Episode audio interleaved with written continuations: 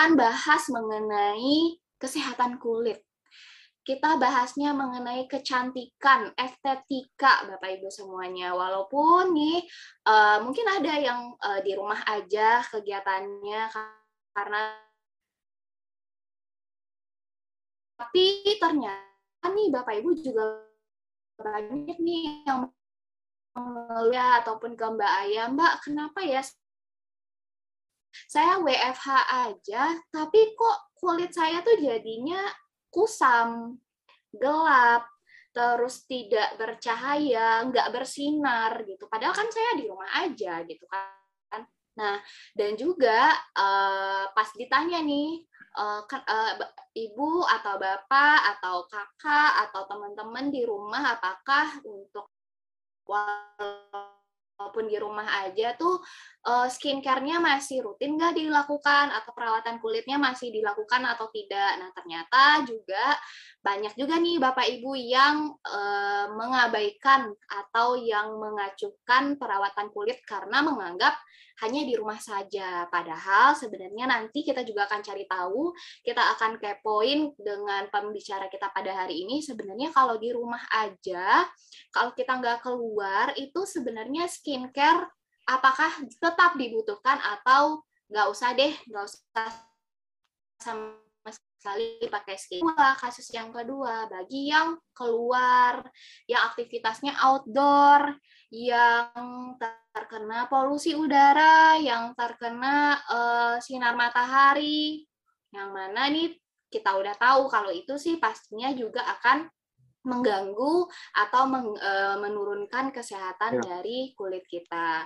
Pertamanya tandanya apa? Pertama sekali tandanya adalah ya terlihat kulitnya jadi tidak berseri, kulitnya terlihat kusam, terlihat tidak sehat, Nah, itu adalah salah satu tanda-tanda dari kesehatan kulit. Nah, langsung saja nih Bapak Ibu pasti udah nggak sabar juga udah lihat nih di dalam uh, peserta Zoom kita hari ini beliau dan dan beliau uh, juga merupakan pembicara yang udah lumayan sering Bapak Ibu mengisi Unihal Academy. Jadi Bapak Ibu Unihal Family ini pasti udah familiar nih dengan dokter pembicara kita yang satu ini. Dan pasti udah kangen juga ingin mendengar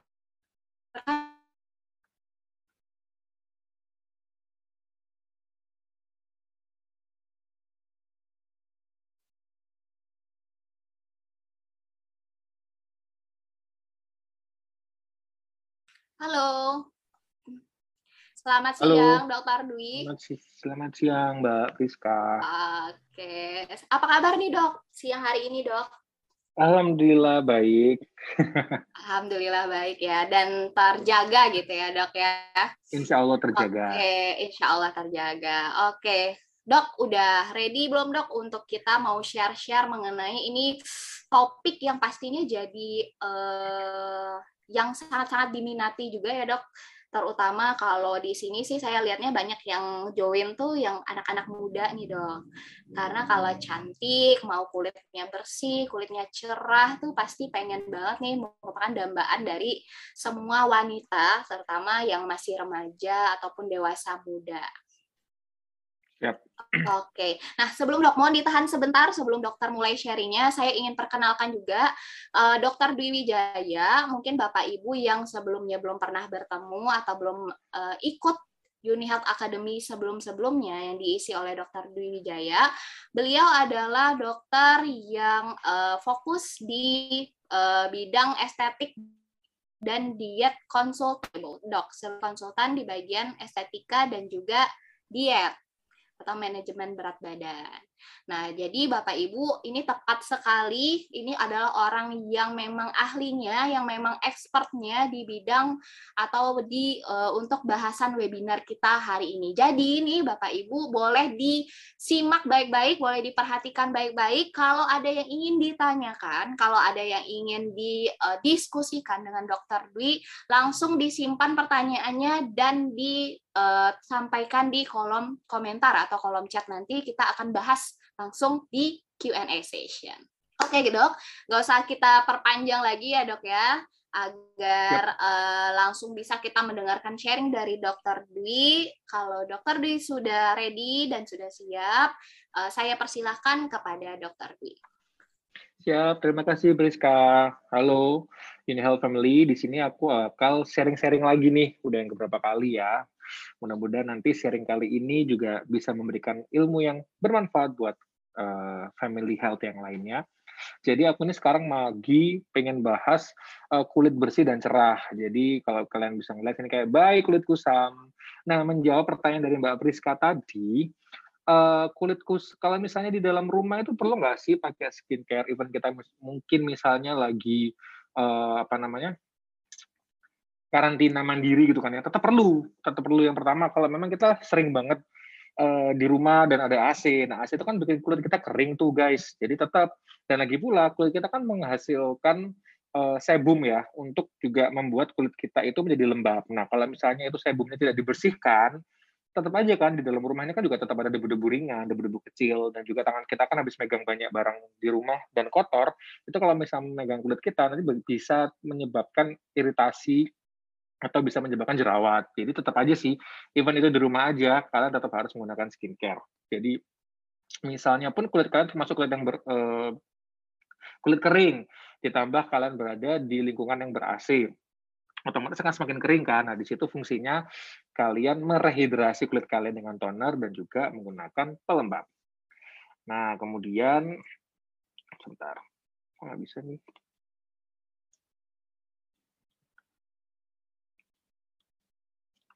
Sebentar ya guys, ini kenapa tidak bisa? Oh ya. Nah, seperti ya karena dia kan kayaknya aku denger nih banyak banget uh, orang anak-anak muda ya yang ada di sini. Jadi biasanya tuh kalau misalnya menggunakan Instagram itu kan ya ataupun TikTok sekarang lagi viral banget ya untuk kepentingan pribadi atau brand image ataupun menjual-jual produk itu kan di Instagram tuh banyak banget yang pakai filter nih teman-teman jadi kalian tampak cantik ataupun tampak lebih putih atau bahkan virus gitu kan nah kenapa sih kita harus bergantung sama filter kalau memang kita tuh bisa uh, memiliki kulit wajah yang sehat gitu kan. Jadi biar kalian tuh bisa menjadi auto seleb di sosmed, tapi tidak seleb di sosmed aja, tapi juga in real life ketika follower-follower atau fans-fans kalian ketemu kalian langsung itu nggak bakal kaget. Kok cantiknya cuma di filter doang? Nah ini salah satunya. Kalian tetap boleh pakai filter, tapi gak ada salahnya kan kalian merawat wajah kalian agar kalian juga tampak seperti di filter Instagram. Oke, perkenalkan saya Dr. Dwi Wijaya, tadi sudah dijelaskan juga sama Mbak Priska. Saya seorang estetik dokter dan juga entrepreneur. Di sini saya akan uh, berbagi-bagi informasi buat kalian semua tentang kesehatan kulit wajah. Nah, biasanya kan orang mau pakai skincare itu kan pasti karena alasan pengen terlihat cantik. Kenapa sih? Yang pertama karena pengen cantik kan juga sifat alami manusia, teman-teman. Jadi ini merupakan kebutuhan dasar untuk kalian semua ataupun orang-orang di lingkungan kalian semua. Dan yang kedua memang karena kita pasti ingin mendapatkan pengakuan ya, pengakuan kita masih muda, awet muda, kemudian memiliki wajah yang cerah. Biasanya kalau orang Asia itu pengennya tampak lebih putih dan otomatis kan kita akan uh, butuh uh, untuk menarik lawan jenis juga kalian pasti butuh memiliki wajah kulit yang sehat itu untuk meningkatkan rasa percaya diri kalian juga nggak menutup nggak menutup kenyataan ya bahwa kalau memang memiliki wajah yang cantik atau sebenarnya bukan masalah cantik atau ganteng ya tetapi good looking yaitu kita merawat eh, kulit kita agar tampak sehat. Tidak harus hitam eh tidak harus putih tidak harus cerah eh tidak harus sorry tidak harus putih. Kulit gelap pun juga tetap eh, tetap tetap bagus ya kalau misalnya kalian merawat cerah, juga nggak kering, juga biar kita awet muda, dan pastinya jadi seleb sosial media dan centang biru ya. Ya, aku pun juga pengen ya, tapi susah sekali guys. Next. Nah, aku mau ngasih tahu nih, biasanya beauty version setiap orang itu berbeda-beda ya teman-teman. Ada yang kalau misalnya di Middle East, itu perempuan tuh biasanya berdarah timur tuh punya fitur wajah yang khas ya, seperti hidungnya mancung, melengkung tinggi, juga matanya tuh besar sama indah. Nah, kebanyakan nih ini lebih kepada ini aku kasih contoh biar kadang-kadang tuh kita misalnya orang orang Asia nih aku pengen wajah mancung ngikutin ke gaya Middle East. Nah kalau misalnya kita di Eastern ya atau Korea Jepang Thailand Indonesia biasanya kita tuh eh, biasanya kita tuh kulitnya agak gelap ya. Terus juga kita suka sedikit bermake up dan juga biasanya tuh orang-orang Asia ini atau Eastern ini pengen tuh tampak seperti uh, kulit mereka tuh seperti glass glass skin atau glowing ya teman-teman. Jadi kita rajin banget nih pakai skincare. Kemudian kalau Western itu biasanya mereka tuh udah cantik dari sananya ya teman-teman. Eropa, Kaus, Kasia, Afrika. Jadi mereka tuh biasanya uh, pakai minim riasan muka. Dan kalau New World nih ya, New World, Hollywood, Amerika dan Latin nih ya, kalau kalian misalnya uh, lihat artis-artis uh, apa namanya dunia ya. Biasanya mereka rambutnya tuh bagus banget hitam tubuh terus tubuhnya tuh kayak jam pasir gitu ya body shape-nya. Kemudian bibirnya besar kadang-kadang itu di filler. Kemudian uh, mereka tuh sukanya pakai riasan-riasan yang bold. Nah aku tanya kembali ke teman-teman sekalian nih. Kalian itu pengen cantik yang seperti apa? Karena kita kan punya standar kecantikan masing-masing. Kalian lebih suka yang ke western atau suka ke Middle East atau semacamnya. Biasanya kalau memang uh, kita ini orang Indonesia, biasanya hidungnya nggak terlalu mancung. Kemudian biasanya orang Indonesia itu uh, pipi tulang pipinya tuh agak gede teman-teman orang Indonesia. Nah buat orang Indonesia mereka nggak suka pipi pipi uh, apa namanya besar seperti kita. Kadang-kadang itu bisa dioperasi. Bahkan ada di beberapa tempat malah pengen pipinya uh, dibikin besar. Ada juga yang kalau misalnya pengen ke Korea, orang Korea itu justru biasanya malah rahangnya gede teman-teman kayak orang Indonesia, rahangnya gede. Nah mereka mereka biasanya suntik botox ataupun mereka operasi plastik ya, motong rahang. Nah seperti itu untuk beauty version. Tetapi dalam hal ini kalian mau model muka seperti bagaimanapun, percuma dong kalau misalnya kulit kalian berjerawat, kemudian pori-pori kalian tampak besar, kulit kalian kusam. Jadi tetap kalau memang kalian punya budget lebih, mungkin bisa uh, apa namanya melakukan treatment uh, seperti botox, filler, thread lift ataupun operasi. Tetapi at least kalian uh, menerima diri kalian masing-masing apa adanya, tetapi tetap menjaganya dengan cara merawat kulit kalian dengan menggunakan skincare yang rajin. Karena mau produk apa pun, skincare itu wajib digunakan teman-teman. Karena kita memang kalau ingin menghambat penuaan, ya wajib kita merawat kulit kita. Oke, nah what's your version? Ya terserah kalau mau yang cantik yang seperti apa. Karena semua orang itu sebenarnya cantik uh, dengan ciri khas mereka masing-masing agar tetap merawat kulit kalian. Nah, aku jelasin sedikit ya tentang anatomi dan fisiologi folikel rambut dan kelenjar sebasea. Nah, Oke. kalau kalian lihat nih. Maaf sedikit saya ya. potong ya. nih, Dokter Dwi. Maaf ya. sedikit ya. uh, karena screen-nya agak blur nih, Dok. Boleh Oke. saya yang uh, send screen oh, kali boleh. ya? Supaya boleh lebih banget. kelihatannya lebih jelas. Boleh banget, boleh banget. Bentar ya, dok. Nah, maaf dokternya agak tidak up to date ya masalah teknologi. Agak ada masalah teknis ya, dok ya. Oke. Ini udah muncul ya. Betul. Oke, maaf ya, dok. Diinterupsi sedikit. Silahkan dilanjutkan, dokter Dwi. Oke, next. Boleh di next? Uh, boleh di next, Mbak Priska? Oke. Nah, di sini nih yang harus kalian ketahui dengan penting ya teman-teman. Uh, jadi kalau misalnya kita kan punya kulit kulit folikel rambut ya teman-teman, di mana kalau kalian melihat lapisan kulit itu dibagi jadi tiga, yaitu adalah epidermis, kalau misalnya dengan sebelah kanan ya, epidermis, kemudian dermis dan subcutaneous tissue. Nah, di epidermis inilah tempat kita banyak banget uh, bertumpuknya minyak atau kotoran-kotoran di dalam permukaan tubuh kita. Nah, di permukaan kulit kita. Sehingga ini yang harus dijaga teman-teman karena kalau kalian lihat di bagian dermis itu itu ada folikel rambut yang gede banget itu ya. Nah, di sebelah folikel rambut itu di atasnya ada sebaceous gland atau kelembar sebasea. Nah, fungsinya kelembar kelenjar sebasea ini dia menghasilkan minyak secara normally untuk agar tubuh kita itu tidak kering. Nah, betul itu tubuh kita tidak kering, kulit kita tidak kering sehingga menjaga ke, ke, ke, eh, menjaga kelembapan dari kulit kita. Nah, tetapi kalau misal tidak dibersihkan, tidak dicuci, tidak menggunakan uh, pembersih uh, pembersih wajah, itu akan bertumpuk dan bercampur dengan uh, keringat dan juga bercampur dengan kotoran, maka akan menyumbat uh, folikel rambut itu sendiri teman-teman. Sehingga ketika tersumbat otomatis kelenjar sebasea yang dihasilkan terus-menerus itu nanti akan tidak bisa keluar. Nanti akan menumpuk di folikel rambut tersebut sehingga menyebabkan peradangan dan terjadilah jerawat. Nah jerawat itu bisa terjadi kenapa sih? Yaitu tadi karena uh, sekresi atau pengeluaran kelenjar sebasea yang berlebihan yang tidak kita bersihkan teman-teman. Kotor nanti akan menumpuk di folikel rambut jadilah dia radang atau jerawat. Nah ini yang harus kita jaga teman-teman. Tetapi, dok kalau gitu lebih enak nggak ada kelenjar sebasea dong, lebih enak kalau kulitnya kering. No guys, kulit kering pun juga akan menimbulkan masalah. Masalahnya apa? Biasanya kulit kering dia tidak menimbulkan jerawat sih, tetapi nanti kan akan cepat tua guys. Jadi memang uh, kita harus menjaga kulit kita untuk lebih stabil di tengah ya. Karena kalau kulit terlalu kering, enak kita di usia muda, kita tidak tidak punya masalah jerawat, tetapi nanti kita menuju semakin tua, kulit kita tuh akan sangat mudah keriput, karena kita kan kering terus-terusan ya. Tetapi kalau misalnya kita uh, kulitnya berminyak, pada saat usia muda tuh kita bakal berminyak banget, kusem banget, kucel banget, dan berjerawat banget. Tetapi nanti penuaan kita juga tidak akan terlalu cepat, karena kulit kita juga tidak kering. Nah, lebih enaknya tuh di tengah-tengah.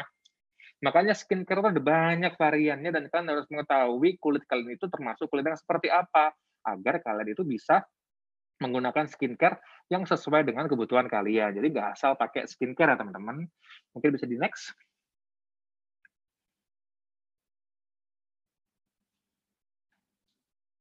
Nah, ini ini adalah uh, contoh dari jenis-jenis kulit kalian biasanya ada kulit kering. Nah, kulit kering ini biasanya terasa kencang atau kering ya, dan gampang e, sebenarnya gampang gatal-gatal atau pecah. Ini pun juga bisa menjadi lebih kusam karena kita kekurangan e, pelembab alami kulit kita dan biasanya pori-porinya tuh nggak kelihatan, teman-teman. Dan kulitnya tuh nggak elastis. Nah, tadi tuh elastisitas tuh juga penting untuk dijaga ya, teman-teman, biar kalian tidak keriput. Kalau kalian lihat gambarnya tuh di dalam eh, kacanya tuh tampak kulit yang apa ya seperti berkeriput gitu loh teman-teman. Mungkin mbaknya kelihatan cantik ya di situ. Cuma pas kita melihat lebih detail lagi di kulitnya kulitnya tuh mengalami kekeringan atau seperti gurun pasir guys. Jadi kayak nggak sehat banget. Kemudian yang kedua kulitnya tuh berminyak banget nih kalian lihat mbaknya nih ya. Berminyak banget nggak enak banget dilihat ya. Beda loh ya teman-teman antara glass skin atau glowing dan juga uh, memiliki kulit yang berminyak. Kalau glass skin itu berarti kulit kalian tuh sehat. Kulit kalian itu ternutrisi dengan baik. Tapi kalau kulit kalian berminyak, kalian itu terlalu uh, apa namanya kelenjar sebasea kalian terlalu aktif banget, pori-pori kalian terlalu lebar banget, dan kalian tidak mentreatmentnya, akhirnya e, berminyak terus-terusan, nantinya kalau misalnya ada pori-pori yang tersumbat, nanti akan menjadi jerawat. Nah, kemudian yang ketiga itu kulit sensitif. Ini kulit yang gampang terbakar, terasa pedih, gatal, kemudian juga bisa bentol-bentol atau gatal, dan cepat mengelupas. Ini ini sangat susah banget sih kalau kulit yang fragile ini ya atau sensitif. Jadi kalian tidak sembarangan bisa menggunakan produk-produk skincare harus menggunakan produk skincare yang memang kandungannya itu sangat ramah untuk kulit. Nah, yang paling banyak terjadi di orang Indonesia ini adalah kulit yang kombinasi ya, teman-teman. Kalau misalnya kalian merasa jidat kalian atau dan hidung kalian itu berminyak, tetapi pipi dan uh, dagu kalian itu, uh, pipi itu kalian apa namanya kering, dagunya itu berminyak atau T-shape ya, itu berarti kulit kalian itu uh, apa namanya berkombinasi. Nah, kalian menggunakan produk skincare yang memang menghandle itu semua di tengah-tengah. Nah, yang paling enaknya adalah kulit normal kayak mbaknya cantik banget ya. Jadi uh, tidak ad, tidak ada atau sedikit banget bintik-bintik di wajah. Kemudian juga sensitivitasnya juga tidak ada atau tidak tinggi. Kemudian pori-pori juga tidak terlalu kelihatan. Jadi pori-pori itu penting. Nggak kelihatan pori-pori seperti misalnya editan di beauty beauty apa ya, beauty plus ya. Uh, itu juga nggak, nggak bagus teman-teman. Jadi pori-pori tetap penting, tapi juga jangan sampai terlalu kelihatan kayak kulit jeruk. Next.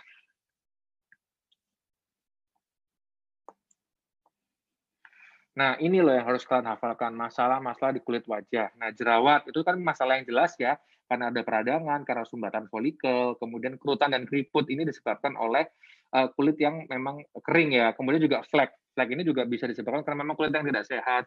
Pori-pori besar itu juga uh, harus dinutrisi, harus ditutupi dengan kandungan skincare agar nanti pori-pori yang besar itu bisa mengecil. Kemudian kulit kusam. Nah, kulit kusam ini biasanya karena terlalu kering atau dia terlalu berminyak, teman-teman. Kemudian juga kan biasanya bopeng. Bopeng ini disebabkan oleh apa? Disebabkan oleh sumbatan dari folikel rambut tadi itu yang terlalu besar sehingga menyebabkan ada pus ya di dalam kulit di lapisan dermis dan epidermis itu. Nah, sehingga akan terjadi perlukaan teman-teman di bawah kulit. Nah, pada saat itu nanti misalnya amit-amit kalian kalian kelupas atau nanti dia pecah, otomatis kan ada perlukaan tuh. Nah, jaringan parut dari lapisan epidermis dan lapisan dermis itu akan nanti akan saling menyatu teman-teman. Akan saling menyatu sehingga epidermis yang setipis tadi itu itu akan tertarik ke bawah. Jadinya kan akan seperti bopeng. Nah, itu enggak enggak apa ya, itu uh, sangat susah di treatment ya, harus di treatment dengan tindakan-tindakan yang lebih uh, lebih advance lagi. Kemudian juga yang terakhirnya adalah komedo. Nah, komedo ini tadi itu teman-teman yang berada di follicle rambut, uh, dia itu sebetulnya cikal bakal dari jerawat ya teman-teman, terus jerawat yang terlalu kecil ya. Jadi memang uh, komedo inilah tumpukan dari kelenjar sebasea yang uh, menumpuk dan tidak tidak menyebab, tidak menyebabkan peradangan ya, tapi banyak banget itu juga mengganggu loh teman-teman sehingga pori-pori kalian juga terlalu besar.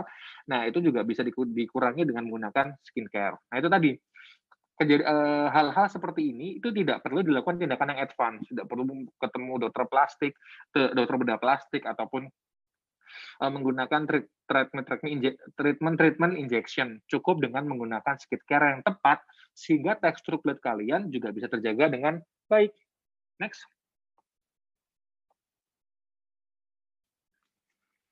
Nah, ini tadi nyambung dengan uh, apa namanya pembicaraan Mbak Priska tadi ya. Dok, kalau misalnya di dalam rumah nih, perlu nggak menggunakan skincare? Perlu, karena apa? Karena kita hidup di lingkungan tropis. Kadang-kadang, walaupun misalnya kita di dalam rumah, tapi kita tetap merasa kepanasan, kemudian suhunya itu agak panas ya teman-teman. Dan kadang-kadang sinar UV itu juga masuk loh UVA dan UVB. Bedanya UVA dan UVB akan saya jelaskan nanti di belakang. Kayaknya ada tadi oleh habis ini. Nah, jadi karena kita di sini tuh uh, hidup di daerah tropis dan kandungan dari uh, sinar UVA dan UVB itu terlalu berlebihan, maka kita tetap harus menggunakan skincare. Dan yang paling wajib dan tidak boleh kalian tidak pakai itu adalah sunblock atau sun protector ya teman-teman. Itu kalian harus pakai setiap hari pada saat siang hari karena ya kalian nggak tahu lo dok saya cuma keluar dari dari mobil ke lewat parkiran kemudian ke kantor itu masih sebentar aja dok nah sebentar itu pun juga bisa lo kalian uh, terpapar sinar UV dan kadang kalian misalnya di dalam ruangan atau di kantor ada jendelanya sinar UV juga bisa masuk teman-teman walaupun kalian berada di ruangan yang berasing Kemudian, tapi sinar matahari masuk ke dalam ruangan kalian itu kalian juga sudah terpapar sinar UV loh. Jadi kalian harus menjaganya menggunakan sunblock atau sun protector. Jadi biasanya kalau kulit karakter di lingkungan tropis itu kulitnya memang berwarna coklat ya teman-teman. Karena memang sering banget terpapar sinar matahari secara langsung ataupun tidak langsung. Kemudian pori-pori juga cenderung lebar dan besar ya karena eh, reaksi dari respon eh, area tropis akhirnya gampang berminyak banget eh, kulit kita. Kemudian itu tadi karena kulit karena suhunya udara yang panas, kulit kita juga mudah berminyak dan kemudian beresiko muncul jerawat ataupun flek. Nah, ini yang sering terjadi di uh, kulit tropis. Kalau kalian pernah melihat nih ya, uh, bule-bule itu kadang-kadang karena terlalu sering berjemur, dan aslinya kan bule itu kulitnya putih ya teman-teman ya. Dan kalau terlalu sering berjemur dan tidak menggunakan sunblock yang tepat, mereka itu akan menjadi gelap kulitnya, which is good. Tapi mereka akan muncul flek, flek, flek, flek, flek. Itu tadi. Karena uh, itu dari kena terpapar sinar UVA yang terlalu berlebihan. Nah, kemudian produksi vitamin D kita tuh efektif banget ya. Ya, karena kita terpapar sinar matahari yang banyak. Oke, next aku jelasin bedanya sinar UVA dan UVB. Nah, ini teman-teman. Jadi, kalau sinar UVA itu akan masuk sampai ke dalam ya teman-teman UVA. Jadi dia tuh membuat kulit cepat tua, keriput, dan mereka tuh berusaha lapisan dermis kulit sehingga kulit itu tampak lebih kusam. Kalau sinar UVB itu tuh mampu merusak lapisan epidermis kulit, terus kemudian membuat kulit itu menjadi merah dan terbakar dan mampu menyebabkan kanker. Yang B ini sebenarnya bahaya ya teman-teman. Jadi kalau misalnya kalian itu kulit kalian tuh merah-merah atau seperti terbakar itu karena kalian efek dari sinar UVB. Dan tetapi yang dan itu nanti akan membuat kulit kalian itu menjadi lebih hitam karena akhirnya meng, kalian akan mengsekresi uh, produksi melamin yang berlebihan. Itu kalau sinar UVB. Nah, tapi tapi efek sinar UVA itu yang lebih bahaya karena uh, bukan lebih bahaya. No, no, no. Efek sinar UVA itu bikin kalian tuh cepat tua. Bisa kalian bayangin kalau kulit kalian itu kering, terus uh, ndak ndak dikasih uh, skincare yang bagus, ndak dikasih sunblock, kemudian kena sinar, sinar UVA, udah kering, cepat keriput, ditambahi lagi kena sinar UVA sehingga membuat uh, apa namanya respon kulit kalian itu semakin menua. Kalian bakal kayak tua, akan kelihatan lebih tua sebelum umurnya teman-teman. Nah, sebetulnya berjemur di bawah sinar matahari jam 10 itu membantu kita mendapatkan vitamin D3 dari sinar UVB, tetapi jangan banyak-banyak. Karena nanti uh, kita membutuhkan uh, vitamin D3, nanti malah terpapar sinar UVB yang terlalu banyak. Sebetulnya sih kalau misalnya kalian memang menjaga kulit kalian, saya sih menyarankan ya kalian minum aja obat tablet obat tablet vitamin D3 atau injeksi uh, sebulan sekali teman-teman sehingga kalian juga udah capek-capek pakai skincare buat jaga kulit kok malah disuruh jemur karena kadang-kadang tergantung ya uh, karena kita itu berada di wilayah tropis kadang-kadang jam 10 itu sudah terlalu panas teman-teman. Uh, jadi kalau misalnya pagi hari ketika uh, pagi hari itu mataharinya belum terlalu di atas itu nanti akan lebih banyak sinar UVA teman-teman. Karena dia sinarnya gelombangnya panjang. Kalau pagi hari sampai jam 10, nanti di sekitar jam 10 sampai jam 12 sampai jam 1 nanti sinar UVB-nya yang kaya teman-teman karena straight langsung sinar sinar uh, apa namanya gelombangnya pendek. Ya, tapi ada efek sampingnya kalau kita mau dapat sinar UVB dan vitamin D3 otomatis kita juga akan mudah terbakar kulit kita. Jadi makanya disarankan sekitar jam 9 sampai jam 10 pagi teman-teman. Ya, tapi kan kita nggak tahu nih uh, apakah apa namanya uh, di jam segitu itu Eh, bahaya juga atau tidak. Jadi kalau saran saya maksimal 15 menit lah kalau kalian misalnya mau berjemur untuk mendapatkan vitamin D3. Next.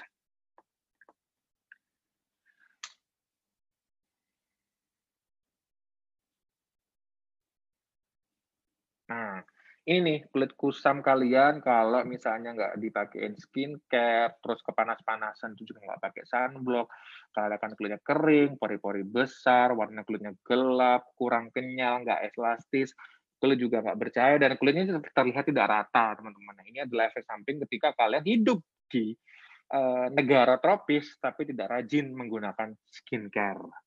Jadi saya sangat menyarankan buat anak-anak muda atau mungkin bapak ibu yang memang eh, bisa mungkin menyempatkan waktu kalian untuk eh, menggunakan skincare pagi dan malam. Nah, nanti urutan skincare-nya seperti apa akan saya jelaskan setelah nanti ya. Oke, kemudian yang kedua, lanjut. Selain kulit kusam, biasanya kalian ini akan mengalami flek hitam. Uh, next. Nah, faktor itu tadi sering terpapar sinar matahari, kemudian karena kita itu kadang-kadang uh, kulit kulit yang gampang kena flek itu justru malah kulit yang cerah ya teman-teman kayak bule-bule tadi itu. Justru kalau warna-warna seperti kulit saya nih atau kulit-kulit uh, yang agak kecoklatan itu malah lebih kuat dalam menghalau uh, sinar UVB teman-teman.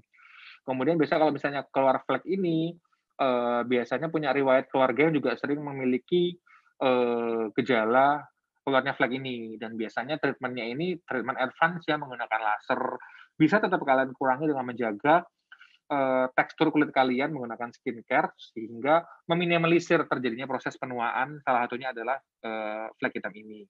Jadi flek hitam atau evelis ini adalah bintik kecil ya pada kulit kalian yang berwarna gelap. Biasanya uh, muncul di daerah wajah atau punggung atau di tangan, kemudian di, di leher. Nah, flek hitam ini disebutnya freckles ya teman-teman.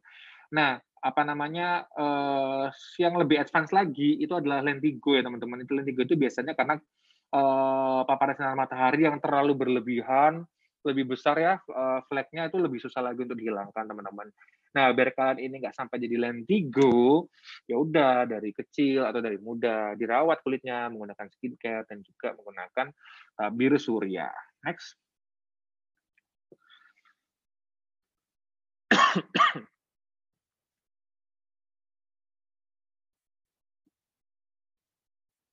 Boleh di next, Mbak Priska?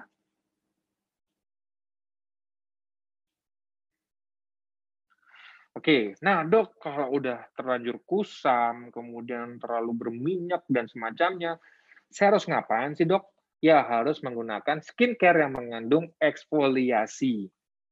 Nah, manfaatnya itu apa? Ya mencerahkan kulit dong, karena kita uh, eksfoliasi itu mengelupas, mengelupas kulit mati, teman-teman. Biasanya kita kalau misalnya memang secara normal kita memang ter terdapat pengelupasan kulit.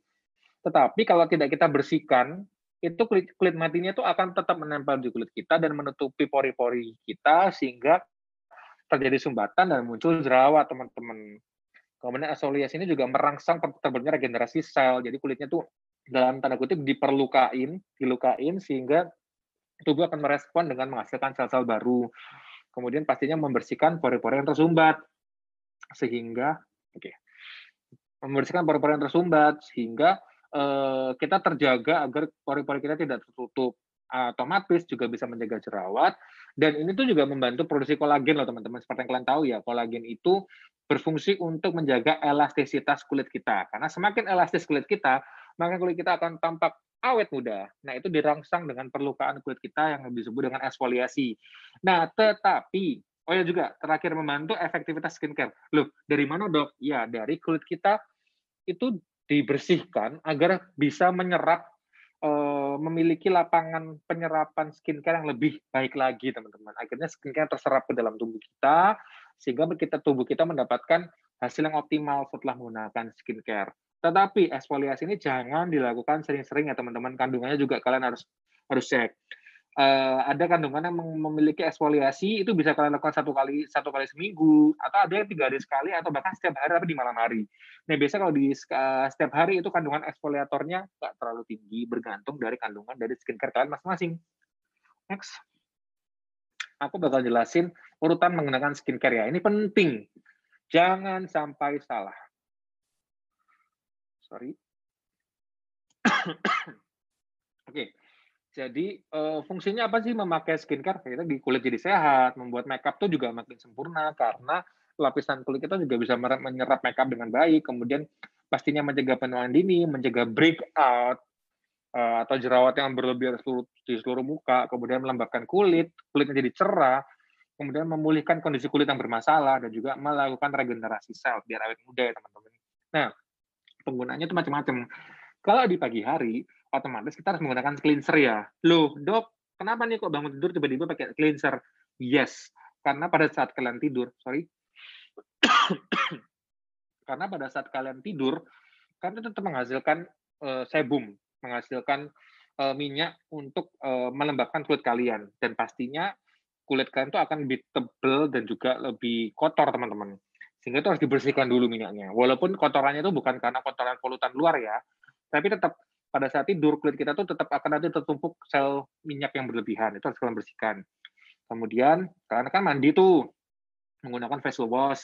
Nah, habis itu gunakan toner. Toner tuh apa sih? Untuk menenangkan, teman-teman. Karena setelah kalian menggunakan facial wash atau mandi, eh, pH-nya kan biasanya tinggi ya, teman-teman, sehingga membuat kalian itu kaget. Wah, jreng, kok berat banget ya. Akhirnya kulit kalian tuh lebih kering.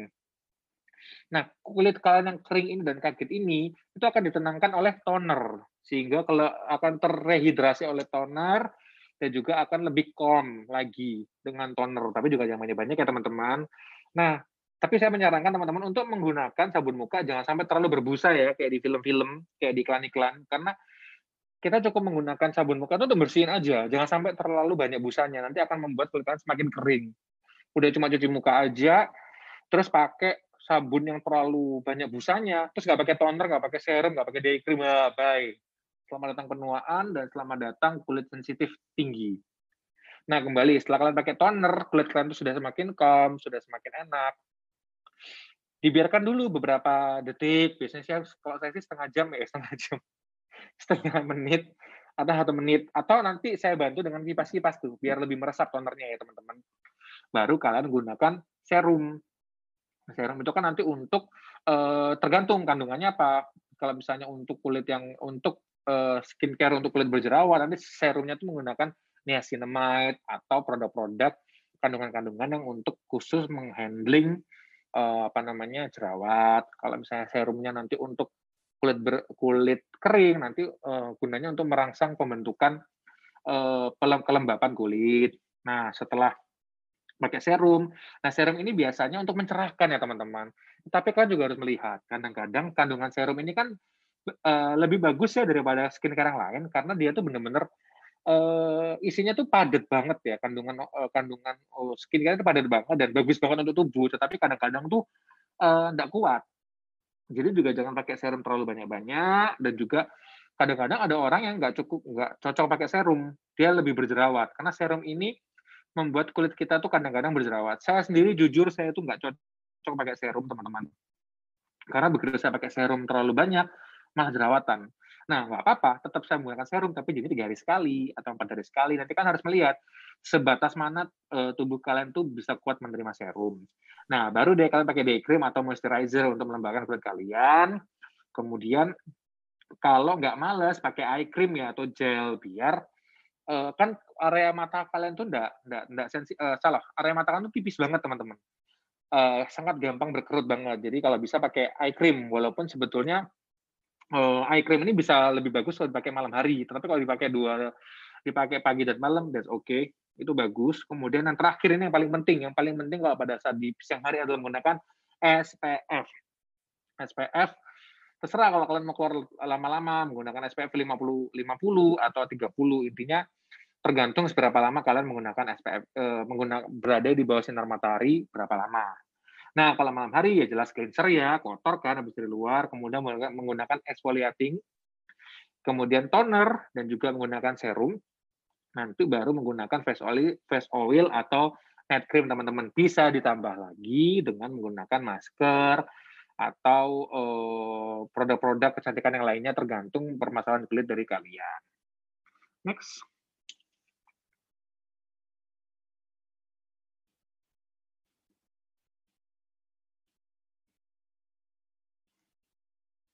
Boleh di next, Mbak Priska? Nah, ini saya jelaskan dikit aja ya, kandungan-kandungan yang penting nih di produk uh, produk-produk kecantikan yang memang harus kalian punyai yaitu adalah punya niacinamide. Ini tuh untuk menghilangkan jerawat ini paling penting banget.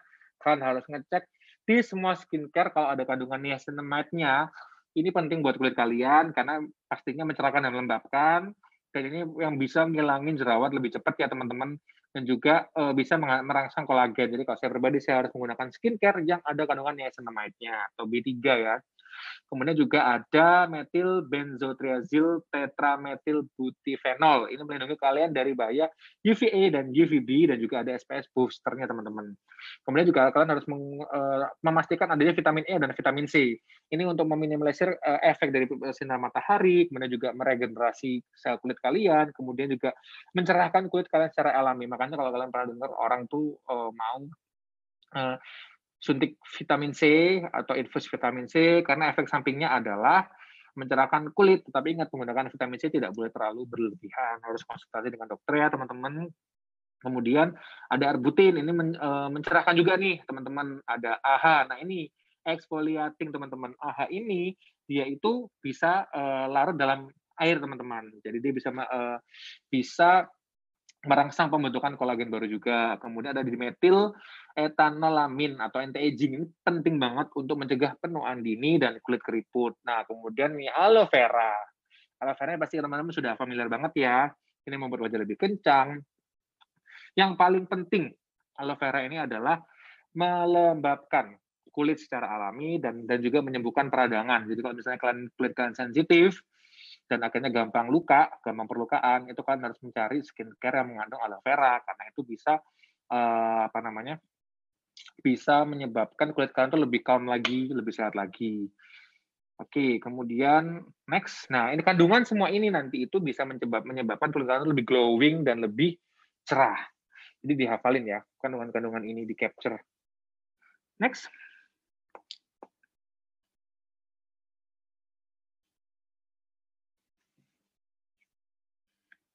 Nah, tips merawat kulit ya tadi pilih produk yang tepat ya teman-teman. Kemudian jangan lupa cuci muka dan menggunakan pelembab. Ini sebenarnya kayak kesimpulan ya teman-teman ya. Kalian harus memilih, kalian harus mengetahui jenis kulit kalian seperti apa, permasalahan kulit kalian seperti apa, kemudian kalian pilih produknya. Kemudian pastinya jangan pernah lupa cuci muka, jangan menyempelekan cuci muka. Kalian harus membantu uh, kulit kalian untuk membersihkan diri dengan cuci muka. Kemudian pastinya gunakan pelembab biar kalian itu juga awet muda. Next. Kemudian lindungi dengan menggunakan tabir surya ya. Kalau misalnya di pagi hari atau siang hari, kemudian pastinya selain menggunakan skincare ya kan harus menjaga pola hidup sehat kalian, menjaga makanan kalian, mengkonsumsi makanan bergizi sehingga secara da dari dalam itu juga membuat kulit kalian tampak lebih sehat. Karena walaupun kalian sudah membantu dari luar ya menggunakan skincare, tapi kalian juga tetap harus menjaga kesehatan tubuh kalian dari dalam. Kemudian pastinya kurangin stres, percuma ah guys pakai skincare banyak pakai skincare mahal tapi kalau kalian stres itu nanti akan kelihatan di wajah kalian akan ter, akan terlihat kusam next nah itu Bye kulit kusam, hai kulit bersih dan cerah, dan mudah-mudahan itu bisa membantu kalian semua. Nah, kali ini aku juga mau uh, ngasih info ke kalian. Tadi kan kalian tahu ya, bagaimana cara menjaga kulit uh, kesehatan kulit kita, produk-produk atau kandungan apa aja yang perlu kalian gunakan. Dan aku mau share ke kalian uh, produknya Uni Health ini ya, B12 Whitening Skin Care. Boleh di next. Nah, ini tuh ada brightening cleanser, kemudian ada serum, day cream, dan night cream. Nah, detailnya seperti apa aja aku jelasin di bawah ya, teman-teman. Next.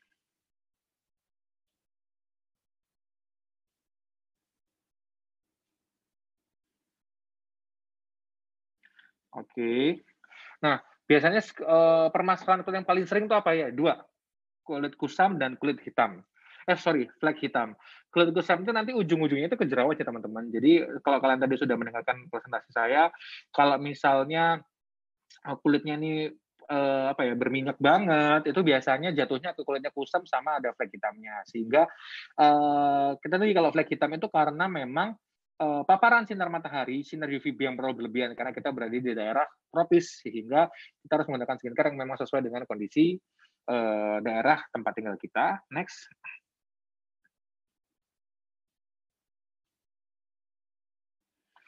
Nah, ini uh, seriesnya Whitening Skincare di B2, B12 ini ya, sebutannya, atau BI2 ya.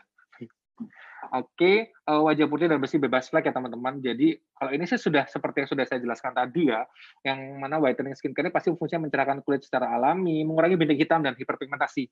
Nah ini penting banget teman-teman.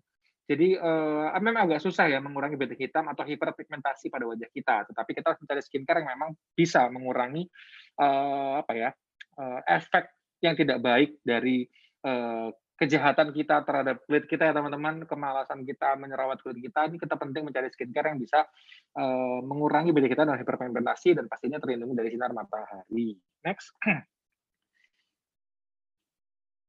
okay. yang pertama, buru-buru aja nih Dwi. Oke, langkah pertama adalah kita menggunakan facial wash ya, atau brightening cleanser manfaatnya pasti membersihkan wajah, memberikan kesegaran pada wajah, menghaluskan, mencerahkan wajah, dan menenangkan kulit. Nah, ini facial wash yang menenangkan kulit ini yang oke okay banget, teman-teman. Karena kadang-kadang itu facial wash itu seperti yang saya bilang tadi, akhirnya membuat kulit kita itu jadi kayak kaget gitu loh. Jadi kalau memang facial wash-nya itu sudah ada uh, kandungan yang memang menenangkan kulit itu enak banget. Nah, aloe vera. Aloe vera ini bagus karena tadi seperti yang sudah saya bilang dia tuh uh, bisa mengurangi uh, inflamasi, kemudian juga bisa melembabkan atau moisturizing, juga bisa menyembuhkan beberapa permasalahan kulit kita, ada antioksidan, antiviral, dan antifungal. Jadi bagus banget dan juga mengandung AHA. AHA ini dia tuh ada kandungan exfoliating ya teman-teman pasti tapi kandungannya pasti sesuai atau dikit karena memang eh, dari facial wash-nya aja biar kulit kalian tuh cerah itu aja sudah mengandung AHA dan which is good ya teman-teman. Kemudian juga ada dimetil etanolamin uh, untuk anti aging. Wow. Jadi di di produk uh, facial wash ini juga mengandung anti aging. Jadi kayak semangat banget nih makainya ya, berasa kayak merasakan aura-aura kemudaan dengan cepat ya kalau pakai facial wash ini dan pastinya juga ada witch hazel ini memang kandungan tumbuhan ya teman-teman dia ada antiseptiknya, astringen, kemudian ada antioksidan dan juga mengurangi jerawat tanpa mengiritasi kulit. Jadi ini kalau buat kalian yang memang berjerawat, kemudian pengen kulit kalian cerah, sabun mandinya pakai uh, facial wash uh, B12 ini ya teman-teman. Next.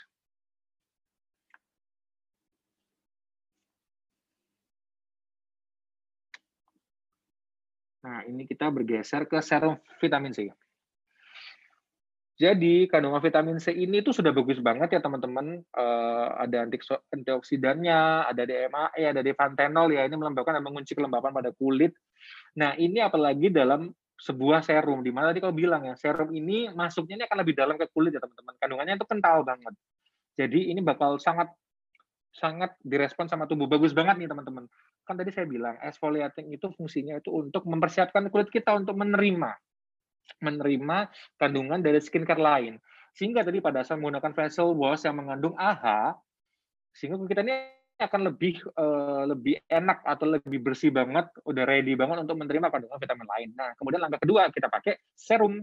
Kita pakai serum vitamin C, otomatis kulit kita tadi yang udah dibikin tenang, udah dibikin siap, di kalian kasih vitamin serum vitamin C, nah itu pasti akan nendang banget teman-teman. Pasti akan langsung dum cerah kalau dipakai secara terus-menerus. Tapi ingat ya, bukan salah serumnya. Kalau misalnya kalian ini uh, menggunakan serum itu ada jerawatnya. Kadang-kadang mungkin kulit kalian aja nggak nggak cukup kuat sehingga nanti kalian bisa mengatur sendiri kapan kalian menggunakan serum.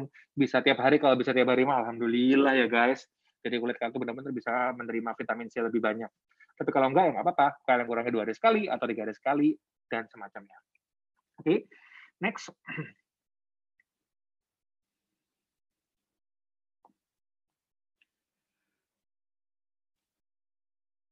Nah, ini uh, yang ketiga adalah day cream ya. Ini kan untuk semua kandungan ya. Jadi dia ada niacinamide-nya, ada vitamin E, ada metilen bisbenzotriazolin, tetrametil butil penol. Udah terserah. Ini adalah kandungan, kalau kalian bingung, ini adalah kandungan yang memfilter UVA dan UVB dan juga ada SPF boosternya. Jadi bagus banget ya memang. Jadi ini kayak skincare yang memang satu skincare mengandung banyak banget kebutuhan kulit kalian secara umum untuk eh, orang-orang yang berada di lingkungan tropis ya teman-teman. Jadi ada yang exfoliatingnya, ada mencerahkan kulitnya, kemudian juga mendapatkan antioksidan dan juga sekaligus filter UVA dan UVB. Which is is really good buat kalian yang pakai sebelum kalian keluar rumah. Jadi enak, jadi satu nih day creamnya. Ada pelembabnya, ada vitamin E-nya, dan juga bisa menjaga kalian uh, dari paparan sinar matahari. Really good. Kemudian langkah keempat, next itu adalah pada pada saat malam hari ya, nggak digabungin ya teman-teman. Jadi kalau malam hari nanti di, diulangi lagi. Langkah satu, menggunakan facial wash, kemudian menggunakan serum, langsung lompat ke night cream ya teman-teman. Ini, ini berbeda. Nah, kalau nanti krim ini biasanya uh, menggunakan ada dapat vitamin C lagi mencerahkan mengapa pembentukan melanin karena tadi efek mungkin seharian kalian kena sinar matahari dan melanin, melanin kalian dipaksa untuk mem memproduksi. Nah, ini kalian ada malamnya ini kan ditenangkan lagi menggunakan vitamin C sehingga menghambat pembentukan melanin dan juga ada ekstrak birberry atau arbutin ini mencerahkan dan mengurangi hipertensi vegetan dan memperbaiki jaringan kulit. Nah, pada saat kalian tidur itu waktunya tubuh kalian melakukan regenerasi atau hormon pertumbuhan kalian bereaksi. Sehingga kalau dibantu dengan menggunakan ekstrak birberry ini, maka tubuh kalian yang harusnya memang beregenerasi itu akan terbantu sehingga jaringan kulit kalian juga akan lebih uh, mudah diperbaiki. Jadi pada saat kalian tidur, bangun-bangun glowing deh. Oke, okay. next. Nah, ini cara penggunaannya ya. Harusnya kalian masing-masing sudah pada tahu, tapi saya jelaskan lagi. Jadi kalau facial wash, aplikasikan pada wajah yang sudah dibasahi pada pagi dan malam hari. Pijat lembut selama satu menit, menit bilas dengan air dan keringkan. Ingat ya, tapi jangan sampai busanya terlalu banyak teman-teman. Nggak usah terlalu banyak juga makanya yang pertama biar hemat ya. Tapi memang kebutuhan kulit kita juga nggak terlalu banyak-banyak menggunakan facial wash. Yang penting bersih aja. Kemudian kemudian menggunakan serum vitamin C itu aplikasikan ke seluruh wajah ya, menggunakan pembersih wajah, digunakan pada pagi dan malam hari. Nah, kemudian day cream ini dia harus diaplikasikan pada pagi hari aja ya, secara teratur. Kalau yang night cream itu pada malam hari. Jadi kayak simple banget. Empat produk ini kalian pakai uh, kayak kayak compact uh, compact package banget ya teman-teman. Semua kebutuhan uh, skincare kalian atau semua kebutuhan kulit kalian agar jadi sehat itu ada di dalam satu uh, rangkaian produk ini dan ini cuma empat doang loh. Jadi kayak facial wash-nya itu juga ada exfoliating-nya, ada tonernya juga karena karena meringankan uh, menenangkan kulit kalian, juga ada serumnya, day cream-nya itu gabungan antara pelembab sama SPF 2 eh, sama SPS atau uh, sunblock atau sun protector. Jadi kayak simple banget buat kalian yang males, ini bakal bakal bakal mempermudah kalian menggunakan skincare. Karena kan ada orang yang kayak mau menyempatkan waktu mereka untuk duduk di depan cermin dan menggunakan lapisan-lapisan lapisan-lapisan skincare. Tapi buat kalian yang males, nih, cuma pakai empat produk skincare aja, kalian bisa dapat wajah yang glowing. Terima kasih, semoga membantu. Dadah.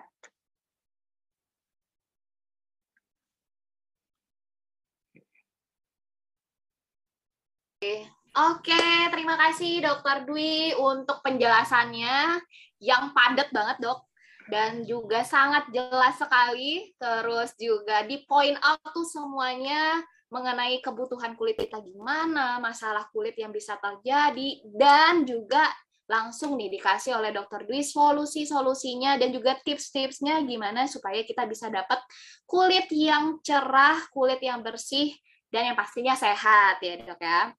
Tadi satu hmm. poin yang saya tangkap nih dok bahwa oh ternyata perawatan kulit itu dibutuhkan oleh semua orang bukan hanya yang kalau kerja atau aktivitasnya di luar ruangan saja bukan, tapi juga bukan cuma buat orang-orang yang kerjanya di dalam rumah aja atau stay at home gitu ya dok, tapi semuanya mau di dalam ruangan mau di luar ruangan kudu wajib fardu ya dok untuk uh, melakukan perawatan kulit. Karena apa? Supaya itu tadi permasalahan-permasalahan kulit yang udah dijabarkan satu persatu oleh dokter Dwi agar tidak sampai terkena atau agar tidak sampai kita rasakan.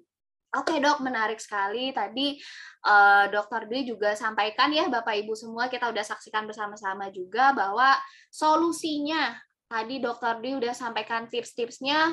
Kalau Bapak Ibu masih bingung dari sekian banyak kandungan yang ada disampaikan oleh Dokter Dwi yang bagus nih untuk meningkatkan kecerahan kulit, kesehatan kulit, langsung dikasih sarannya langsung dalam produknya ya dok, yaitu BI2 series. Dan kalau BI2 series tadi sama seperti yang disampaikan oleh Dokter Dwi Bapak Ibu, nggak usah banyak-banyak produk, nggak usah pakai stem 10 step skincare atau 12 step skincare yang makan waktu berjam-jam. Itu udah nggak zamannya lagi ya dok ya? Udah tinggal pilih nih skincare yang udah komplit kandungannya udah ada semuanya stepsnya singkat tapi sudah memenuhi semua kebutuhan kulit yang mana itu sudah tersedia dan ada semuanya di dalam BI2 series. Oke, terima kasih Dokter Dwi untuk uh, penjelasannya, sharing singkatnya bersama dengan Uni Health Family pada siang hari ini, Dok.